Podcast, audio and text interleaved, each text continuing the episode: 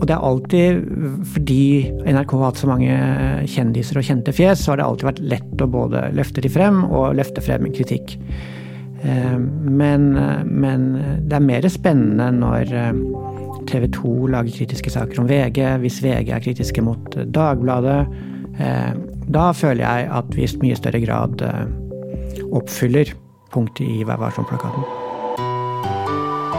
It's a. And I think they ought to apologize to start with. Dominere mediebildet. A failing media. Pile of garbage. Pause. False and fake, fake, fake, fake, fake, fake. Dagens gjest er en selverklært middelaldrende mann i media, som vanligvis retter et kritisk blikk mot Medie-Norge. Men nå har han sjøl fått kjenne på medienes søkelys. Velkommen til Pressepodden, redaktør i Journalisten, men ikke redaktør i podkasten Tut og mediekjør, Roger Årli Grøndalen. Tusen takk. Mitt navn er Kristine Sterud, og vi skal prate litt mer om hva jeg har eh, sikta til nå. Men først skal vi ha en bitte liten reklamepause. Ønsker du å annonsere i Pressepodden? Kontakt oss på annonse at medie24.no. Roger Årli Grøndalen, for eh, rundt et år siden så har jeg forstått som at du tok kontakt med de som driver podkasten Tut og Mediekjør, eh, for å kanskje bli deres redaktør. Hva er din eh, fortelling av hva dette dreier seg om? Vi begynte jo litt enklere. Vi begynte for å se om vi kunne samarbeide om noe. Og så var en utfordring ved å ha et samarbeid med dem, var at de ikke hadde en redaktør. Eh, så selv om vi lagde noen innimellom sitatsaker og andre ting fra Tut og Medikjør, så så vi det som en, en kløft å komme over da, hvis vi skulle ha et samarbeid, hvis de ikke hadde en redaktør. Og da, litt inspirert av eh, andre podkaster som eh, Svein Tore Bergstuen, som da en av programlederne i Tut og Mediekjør hadde laget, bl.a. om Baneheia, kom, kom, forslaget da om at kanskje jeg kunne være redaktør eh, for Tut og Mediekjør, og det ville gjøre samarbeidet enklere. Men det, nå står vi her og vet at du ikke ble det. Hvorfor eh, ble det ikke noe av? Eh, nei, det er ja, ja, ja, si det. Eh, vi ble jo møtt av en Eller det tok noen dager, men så kom det jo en massiv storm hvor veldig mange mente at det samarbeidet var problematisk. Og det var ikke nye momenter som kom frem. Vi hadde tenkt igjennom de fleste av dem, i hvert fall. Men eh, vi hadde vekta det litt annerledes, og vi så for oss at med noen små endringer i podkasten sånn er i dag, så skulle vi klare å havne på riktig side. Men at man er helt på riktig side, vet man jo ikke før en eventuell sak er klaget til PFU. Ja, for En del av den kritikken handler om at, at de som driver podkasten, er medierådgivere. At de er kommunikasjonsansvarlige for diverse ting. Ja, og det har de jo vært veldig åpne om hele veien. og det vi så for oss, var jo kombinasjonen med åpne kundelister og at eh, eh, eventuelle saker som de ville vært involvert i på en eller annen måte, måtte vi enten unngå å ta opp, eller eh, funnet andre løsninger på. da. Ved at ikke de var involvert i, i det i studio. Da det ble lansert at du skulle være redaktør for dem, så sa du òg at du var forberedt på å få kritikk. Hva slags kritikk var det du var forberedt på? Jeg var jo forberedt på det meste av kritikken eh, som kom. Eh, det som skapte litt eh, utfordringer for meg selv, var jo at ved å være litt utålmodig, så hadde vi gått ut med det her uten at det hadde gått via, via styret. Og da ble det litt vanskelig. Det ble vanskelig å forsvare og delta i en diskusjon om podkasten når det fremdeles var uavklart hva styret eventuelt vil ende med. Ja, styret i Journalisten? Ja. Hva synes du om at de eh, plutselig skulle ha en finger med i spillet på det her? Nei, jeg tenker vel heller at eh, jeg burde tenkt på det på forhånd. At en sak som dette burde, burde jeg tatt via styret. Selv om, selv om, ideen hadde vært diskutert på et styremøte for et år siden, så eh, hadde det gått et år. Det hadde ikke vært noe tema i mellomtiden, og det var to og en halv uke til neste styremøte. Så det var jo helt meningsløst at man skulle skynde seg å gå ut med den nyheten. Hvorfor skyndte du deg da? Fordi vi følte at vi var klare. Og da var det bare å gønne på? Ja. Men du sier jo at det tok et, et helt år. Hvorfor, hvorfor, tok det så lang tid fra den første ideen kom til, til du faktisk gikk ut med det? Det handla mye om at uh, jeg har hatt mye å gjøre det siste året. Uh, duoen bak Tut og Mediekjør har hatt mye å gjøre. Så, så, veldig mye av dialogen har jo vært uh, ja, dette er en god idé, vi møtes snart, og så møtes vi litt. Og så har vi aldri liksom fått gjennomført og satt oss ned og gjort hele den lange samtalen da, som vi følte at vi da kanskje gjorde på vårparten i år. Ikke så lenge før vi gikk ut med nyheten. For dette med, dette med styret som skal, skal godkjenne det Altså, Hva syns du på en måte om at det er et styre som må ha altså Hvis du hadde fått godkjenning til dette i første omgang, hvorfor, uh, hvorfor var det plutselig ikke greit uh, seinere? Det, var jo ikke noe, det var ikke et formelt styrevedtak da, for et år siden på at, uh, at, styret vedtok at vi skulle inngå i samarbeid. Det var en idé som kom opp på, på et styremøte, og det var noen i styret som tenkte at det kunne være en idé som var verdt å sjekke ut. Eh, og så er det jo en forskjell fra at man diskuterer om at noe kan være en god idé, til at man eh, har en ferdig avtale. Og siden det var en ferdig avtale, og en eventuell avtale har jo noen andre konsekvenser også, som, eh, som i hvert fall styret er opptatt av. Det er Én ting er hvis podkasten blir klaget inn til PFU, som vi kanskje måtte regne med at den på et eller annet tidspunkt ville bli. Hvem skal svare opp? Ja, det ville vært naturlig at jeg gjorde som redaktør. Hvis vi ble felt, er det da journalisten som ble felt, eller Tut og Mediekjør? Det er mer sånn detaljer, men, men, eh, noen ganger så blir jo norske medier også eh, saksøkt. Eh, vil eh, journalisten, eventuelt eh, journalistens eier, bli involvert i et eventuelt søksmål? En del sanne ting hadde jo også vært greit å i hvert fall ta via styret. Men nå, før, før, du rakk å komme tilbake til det styremøtet, så var du rett og slett ut og Mediekjør som meldte at de trakk seg fra hele samarbeidet. Mm. Hva syns du om det? Nei, jeg tenker jo at det var jo jeg som kontakt med dem. Eh, hadde ikke, hadde ikke, jeg tatt kontakt med dem, så hadde jo ikke de eh, havnet i dette kaoset, de heller. Så da at de skulle få muligheten til å gjøre en Sofie Elise og hoppe av, det tenkte jeg var helt greit. Jeg var jo involvert om på forhånd, og jeg eh, Noen dager før som jeg skrev en, en spalt eller kommentar hvor jeg sa at, at vi nå avventer neste styremøte så var eh, Jeg vurderte jo da å vinkle den på at vi, vi legger samarbeidet ned, men da hadde jeg hoppet over styret allerede én gang. Og, så da tenkte jeg at da, da kan vi Da venter vi til, til, styret har sagt sitt. Og så valgte de å hoppe av underveis, og det har jeg full forståelse for. Ja, da du skrev den første, hadde du allerede på følelsen at uh, dette blir ikke noe av likevel? Uh, ja. Jeg før, før, før Tut og Mediekjør skrev sin sak om at de hoppet av, så hadde jeg allerede laget eh, mitt forslag til, eh, til, eh, til styret. Og da foreslo jeg at det ikke ble noe av. Fordi jeg så at med den måten samarbeidet liksom hadde kommet så gærent ut i, i hvordan det ble omtalt i andre medier, så så jeg at det ble vanskelig å, å rette opp det og få det her til å fungere bra. Hvordan var det for deg å stå i dette plutselige søkelyset hvor alle Det kom jo mye kritikk? Ja, og det, det, er greit nok. Jeg, jeg skulle ønske at Det startet jo med, med Alexandra Beverfjord sin kommentar i Dagbladet. Og jeg skulle ønske at hun hadde publisert den på et annet tidspunkt enn en søndag ettermiddag. Eh, hvor jeg ikke var i nærheten av, eh, av laptopen min.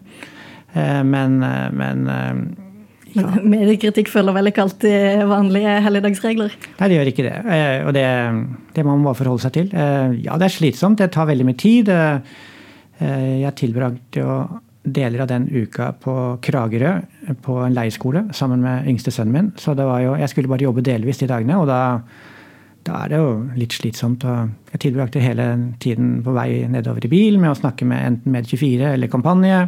Og sånn vekselvis utover dagene, både mandag tirsdag, og så slutta det vel på onsdag. Så har jeg vel snakka med halvparten i denne redaksjonen og flere i kampanje. Men det var stort sett Det var der det var en stor sak.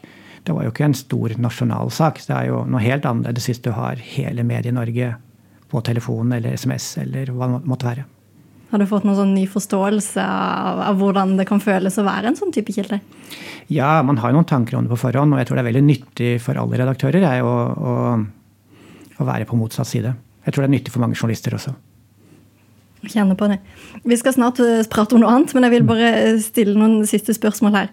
Fordi nå endte det opp med at dette uh, samarbeidet ikke ble noe av før det siste styremøtet var, hvor man på en måte skulle ta stilling til om du kunne eller ikke kunne gjøre dette. Men uh, det styremøtet dere da hadde, hva, hva handla det om? Altså, vet du nå om du kan være redaktør for lignende podkaster i, i fremtida?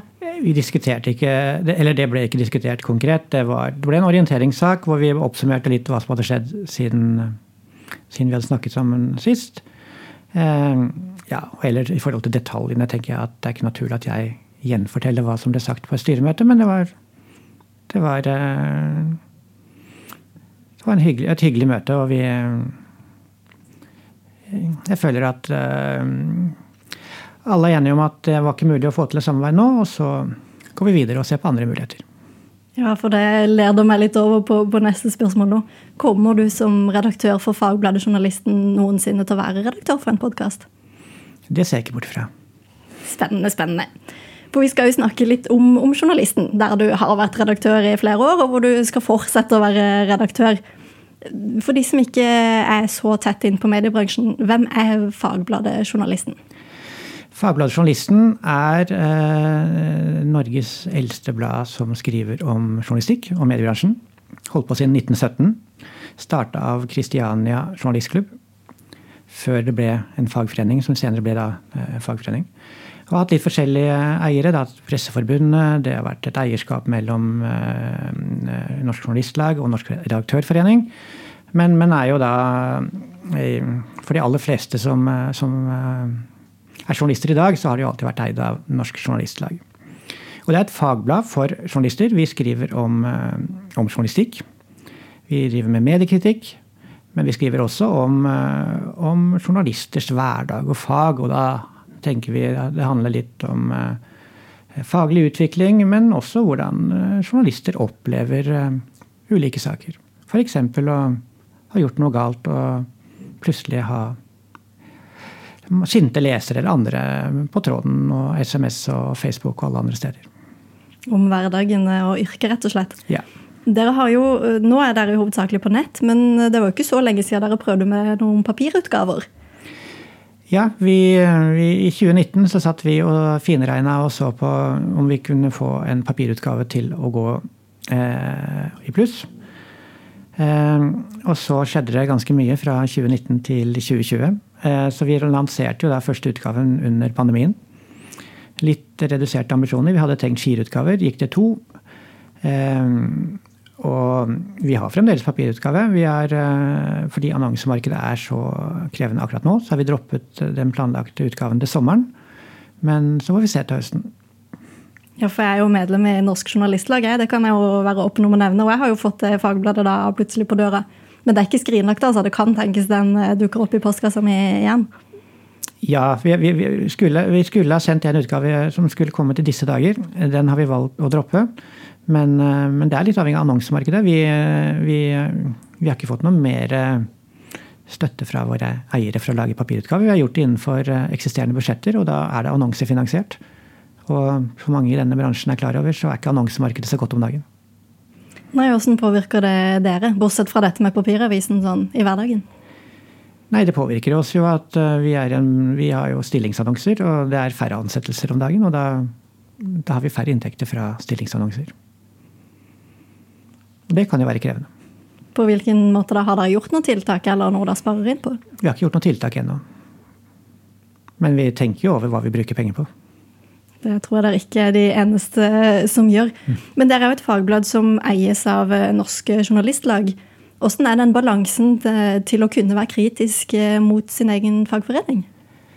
Eh, jeg føler at Vi sitter jo fysisk lokalisert med Norsk Journalistlag, men, men jeg forholder meg kun til vårt styre. De, jeg snakker strengt tatt ikke noe mer med ledelsen i Norsk Journalistlag enn jeg snakker med ledelsen i Norsk Redaktørforening og og andre viktige personer i mediebransjen. Så vi, vi står helt fritt vi til å være kritiske til Norsk Journalistlag. Vi, vi oppfordres til å være det av, av styre og eiere. Og så er det jo i praksis er det jo alltid litt vondt å bli utsatt for kritikk, men, men jeg, vi har veldig proffe eiere, føler jeg.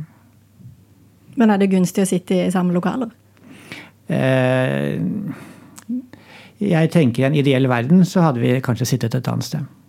Det er, men det er eh, en god løsning økonomisk. Det gir oss mer penger vi kan bruke på journalistikk. Ønsker du å annonsere i Pressepodden? Kontakt oss på annonse at medie24.no. Når man snakker om mediekritikk og, og, hvem som på en måte passer på, på mediene, og hvem som skriver om andre medier, så er det hovedsakelig dere som har det som fulltidsgeskjeft, og så er det oss i Medier24 og så, så vidt Kampanje som skriver om litt andre deler av bransjen òg.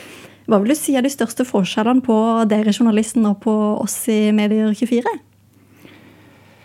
Eh, det er vanskelig å si. Eh, det handler Jeg tror det handler egentlig mer om om eh, personer. Ja. Fordi eh, i løpet av de, Forrige torsdag var det fem år siden jeg starta i Journalisten. Og i og med at vi er ganske små redaksjoner eh, Vi er ganske små, vi er fem årsverk. Dere har ikke helt oversikt over dagen, men det er ikke noen veldig stor redaksjon, der heller. Så det, har, det er så, hvem som er i redaksjon hele tiden, påvirker hvordan journalistikken vår blir. Men jeg tipper jo at de aller fleste saker som som eh, Veldig mange saker vi publiserer, kunne vært publisert hos dere, og omvendt. Så vi, vi ligner på hverandre. Det er mye av de samme folka vi prøver å holde i ørene, i hvert fall. Ja. Så tenker jeg det er en fordel at, eh, at det, er, eh, det er ikke noe ulempe det at det er to publikasjoner som, som, fokuserer på det samme, fordi da har vi en konkurranse som gjør at vi er mer fremoverlente og, og, og sannsynligvis blir bedre. Ja, det håper jeg absolutt. Jeg skal jo være ærlig på at vi sitter jo av og til i redaksjonen og er sånn Oi, dette kan jeg tenke seg journalisten er på. Eller at man vi har jo en egen, altså, Det setter oss òg i et eget gir, da, det å vite at dere òg snuser på de samme sakene innimellom. Ja, det er dumt å ha en god idé på mandag og tenke at den tar vi på onsdag. fordi da kan de saken være publisert både to og tre ganger andre steder. Blant annet i Medier24. Men dette med, med mediekritikk. Eh, fordi du har en spalte i eh, Journalisten Eh, som heter 'Middelaldrende mann og media'.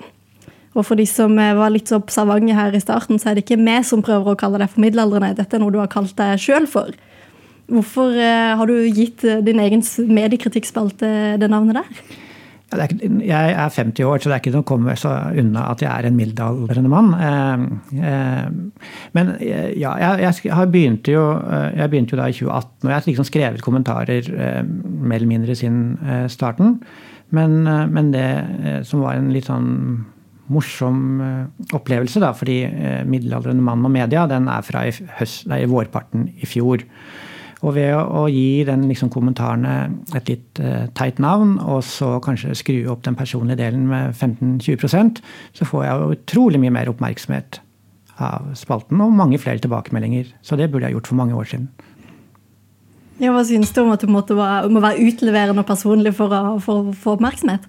Det har jeg egentlig ingen problemer. Jeg kom, jo, jeg kom jo fra lokalavis da jeg eh, startet i Journalisten, men før det så hadde jeg jo eh, ca. 13 år i magasinbransjen. Jeg er vant til en, eh, en eh, form for journalistikk som, som, er ganske personlig, så jeg syns det er helt greit. og det det handler jo ikke om at jeg utleverer så veldig mye fra, fra, egen familie. Det handler jo om eh, egne opplevelser fra mediebransjen. Så det, det håper jeg kanskje også noen andre kan lære, lære, av. Nå har jeg vært i bransjen i 30 år. Da jeg begynte, så var det ikke noe internett. Eh, eh, jeg har vært med på hvert fall en del store endringer. Og kanskje noe av det jeg kan sette, bidra med å sette ting litt i perspektiv i forhold til noen yngre lesere, og så kan eh, andre middelaldrende menn og kvinner og enda eldre tenke tilbake på at ja, det har vi også vært med på. Alle skal kunne lære noe av dette? Ja. Og så gir det også muligheten til å bruke litt mer humor og andre ting, og andre virkemidler som, eh, som, eh, som ikke har dominert liksom, i mediebransjen og mediekritikken. Så det jeg syns det er veldig gøy å skrive den spalten og føler at jeg, jeg får mye igjen av det. Og så får vi håpe at noen lesere også gjør det. Hva syns du er mest eh, spennende å skrive om? I, eh, det er mest spennende hvis jeg føler at jeg kan bidra med et litt annet perspektiv enn å bare fortelle at noen har gjort noe dumt eller noen har gjort noe bra. Eller det er jo sjelden man skriver en hel spalte om at noe er veldig bra. Eh, men bare sånn ren kritikk som ikke kan sette noe inn i et større perspektiv, det syns jeg er mer uinteressant. Det kan andre skrive. Så det er perspektivet du er ute etter. Altså, I, i Vær varsom-plakaten, som både dere og oss og store deler av mediebransjen eh, følger, eh, så står det jo at det er pressens plikt å sette et kritisk søkelys på hvordan mediene selv fyller sin samfunnsrolle. Hvis du ser bort ifra oss som er sånn bransjemedier, hvordan synes du at norsk mediebransje oppfyller det kravet der i dag? Det går veldig opp og ned. Eh, men jeg syns fra i løpet av de siste fem årene da, så syns jeg det har vært en bedring. Det er, det er, flere medier som jeg føler plukker opp saker som litt, er litt større og er litt mer interessant prinsipielle. Øh, bare Vulkan-saken jo blir stadig trukket frem. Vi kan ikke leve på, på TV 2 sine avsløringer i, i 2019 i, i, all evighet. Men jeg syns også det er andre saker som, som, som kommer frem. og jeg syns VG innimellom har vært gode og tøffe. Det er for lenge mellom hver gang de gjør det. Men, eh, men jeg syns det er blitt bedre. Eh, men jeg savner eh, mer sånn at det er faste spalter eller et fast tema. da, og, og gjerne at man kan løfte også mer prinsipielle saker som ikke handler om, handler om kjendiser. Mye mediekritikk er, er dessverre Kringkastingsrådet, og det, det, er ikke den mest interessante institusjonen. Og På hvilken måte da, mener du? Fordi hvis man sitter og leser eh, klagene som kommer inn, så er det jo eh, Det er absolutt folk som, som klager som, som, har et sterkt engasjement. Og jeg tror det er viktig kanskje for NRK å ha et lavterskeltilbud, fordi å klage til PFU er ganske komplisert.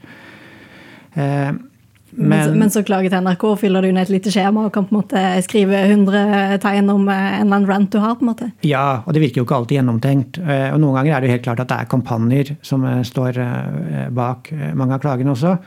Så mm, mediene kommer ikke unna å si at de driver mediekritikk fordi de forteller at et eller annet innslag på NRK har fått 90 klager til Kringkastingsrådet. Det er litt for billig. Ja, det er litt for billig. Hva kunne, altså, for nå sa du at eh, fokuset på NRK ikke, altså, det trenger ikke bare være fokus på NRK. Hva mente du egentlig der? Jeg, jeg, det, det, er jo, NRK er viktig. Det, det er jo det største, største, mediet vi har. Men, men eh, og det er alltid fordi NRK har hatt så mange kjendiser og kjente fjes, så har det alltid vært lett å både løfte de frem og løfte frem kritikk. Eh, men, eh, men, det er mer spennende når eh, TV 2 lager kritiske saker om VG, hvis VG er kritiske mot Dagbladet. Da føler jeg at vi i mye større grad oppfyller punktet i Vær varsom-plakaten. Tror du man liksom kvier seg litt? Det, liksom, det var en debatt her i forbindelse med Nettavisen. For Erik Stefansen hadde skrevet en tekst, og så var det kritiserte kritisert av noen for noe. Og så var det folk som mente at å, man kan ikke være kritisk mot sine egne kolleger. Ja, jeg, jeg, tror ikke man skal ta sånne sitater litt tatt ut av sammenheng. Dette var vel kanskje på Facebook. Eh, jeg tror ikke mm. man skal legge altfor vekt på det. Eh, men ja, det kan være krevende å kritisere egne kollegaer. Jeg føler jo innimellom at vi er litt sånn som eh, når du ser amerikanske eh, filmer, så ser du spesialenheten til politiet, som også får lov å komme inn i baren sammen med de andre politifolkene. Men de står liksom og henger på hjørnet og får ikke lov å være med på festen. Eh, så ja, det kan være tøft å kritisere sine egne folk, men, eller sin egen yrkesgruppe. Men jeg føler heller at det har vært en misforståelse blant mange medieledere om at Eh, leserne eller seerne, brukerne, ikke er interessert i mediekritikk. For det tror jeg de er. Og jeg tror eh, eh, Jeg tror at ved å gjøre det skikkelig, gjøre det jevnlig, så vil det også bidra med å Nå har norske medier høy troverdighet, men jeg tror det kan bidra med å øke troverdigheten, eller beholde troverdigheten, ved at de store mediene har mer fokus på mediekritikk. Man har jo, ser jo til flere som har stadig oftere sånn 'Derfor identifiserer vi', eller 'derfor gjør disse våre redaksjonelle vurderinger i denne saken', sånne faktabokser i, i forskjellige saker. Men hvordan tenker du at norsk mediebransje generelt sett kan bli bedre til å, til å kritisere eller være kritiske til hverandre? Det er jo nå må man jo også ha Det krever jo Det, hadde vært bra hvis uh, Gahr Steiro kritiserte Aftenposten. Det har vært bra hvis Gahr Steiro kritiserte Dagbladet. Men det må jo være at han, han må jo faktisk mene det, da. Han, det, det, vil være kunstig å lage en spalte hvor, eller en sak hvor han på død og liv skal mene noe, hvis han ikke har noen sterke meninger om det. Og, og meningsjournalistikk er fint, og det er, det er kanskje mer på meningsjournalistikken det, det, det, er lett å kritisere, men jeg savner jo mer den gode nyhetsjournalistikken, da, som viser at, uh, at andre medier har uh, gjort valg som kanskje ikke er så gode. Og det, en, det, er jo for så vidt bra for uh, Med24 og journalisten at vi får være alene med de sakene, men jeg tror jo at interessen for våre saker altså, hadde også blitt større hvis flere fokuserte på det. Ser du til eh, andre land. Sånn Guardian har jo en eh, stor avdeling som dekker mediebransjen. Ikke bare den redaksjonelle, men også den som går på strømming og andre ting. Eh, New York Times er kjempegod på det her. Washington Post. Og de gjør jo ikke det her bare for å mm, være snille. De gjør jo det fordi de ser at de har lesere som er interessert i det her. Og jeg er helt sikker på at den gruppa også finnes i Norge. Vi skal begynne å gå ned for uh, runde av i denne podkastepisoden her av Presspodden.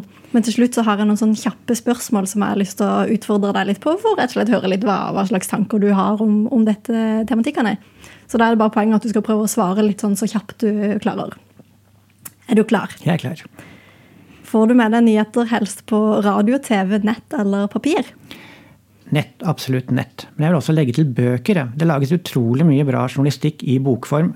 Og mange flere bør lese både norske og internasjonale bøker og få, hvor, hvor, du får liksom hele problemstillingen eh, belyst på en helt annen måte enn det du får selv i, i lange artikler i, i, mer sånn løpende medier.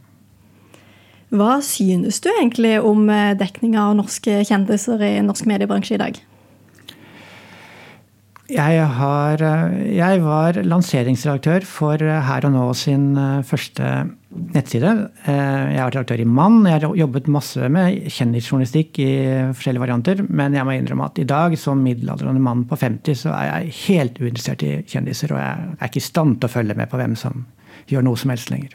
Men er du enig i at norsk mediebransje skal skrive om det? Ja, jeg har ingen problem med det. Men de må følge de vanlige presseetiske kravene. De må sjekke kilder. de må skal de skrive om eh, et samlivsbrudd, så, så, krever det faktisk at de tar den telefonen og, og sjekker det. Da holder det ikke at én part har skrevet det på Instagram? Nei, det gjør ikke det. Nå sa du at eh, kjendisjournalistikk ikke appellerer til deg. Men eh, hva slags journalistikk er det som faktisk inspirerer deg? Jeg syns det er jeg syns det er eh, Jeg er veldig imponert over det arbeidet som eh, Gina Grieg Risnes gjør i Ukraina. Det får meg til å være veldig glad for å ha papirutgaven, for jeg syns de sakene drukner litt eh, på nettutgaven. I Aftenposten? I Aftenposten, ja.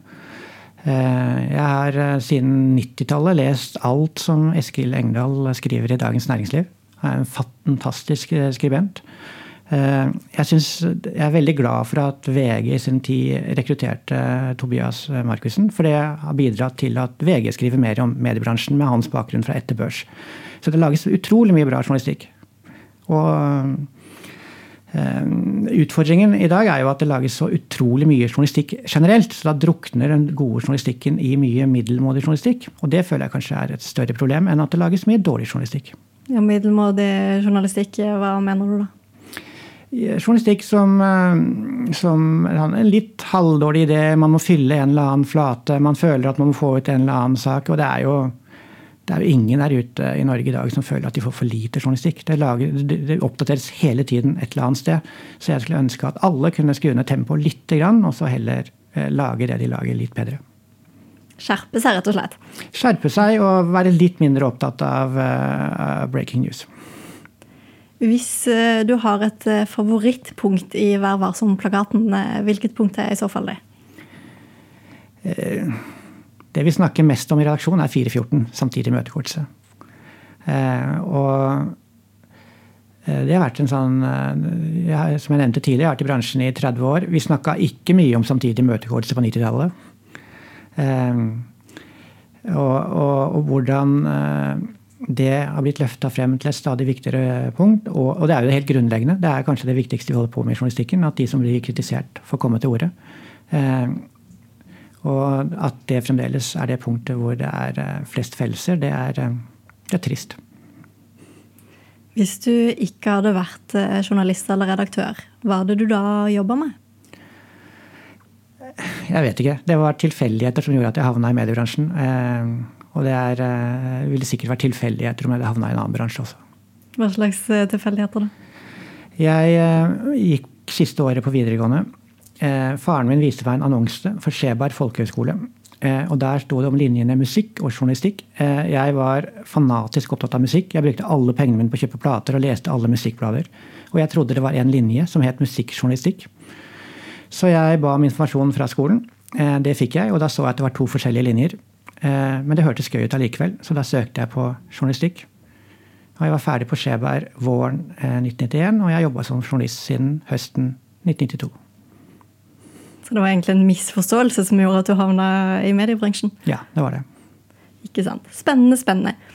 Eh, vi skal rett og slett runde av eh, her. Tusen takk for at du var med som gjest i denne episoden av Pressepodden, eh, redaktør i Journalisten Roger Årli Grøndalen. Takk for at jeg fikk komme. Mitt navn er Kristine Sterud, og teknisk ansvarlig for denne podkasten er Sebastian Mandrikis, mens ansvarlig redaktør er Cornelia Kristiansen. Takk for nå.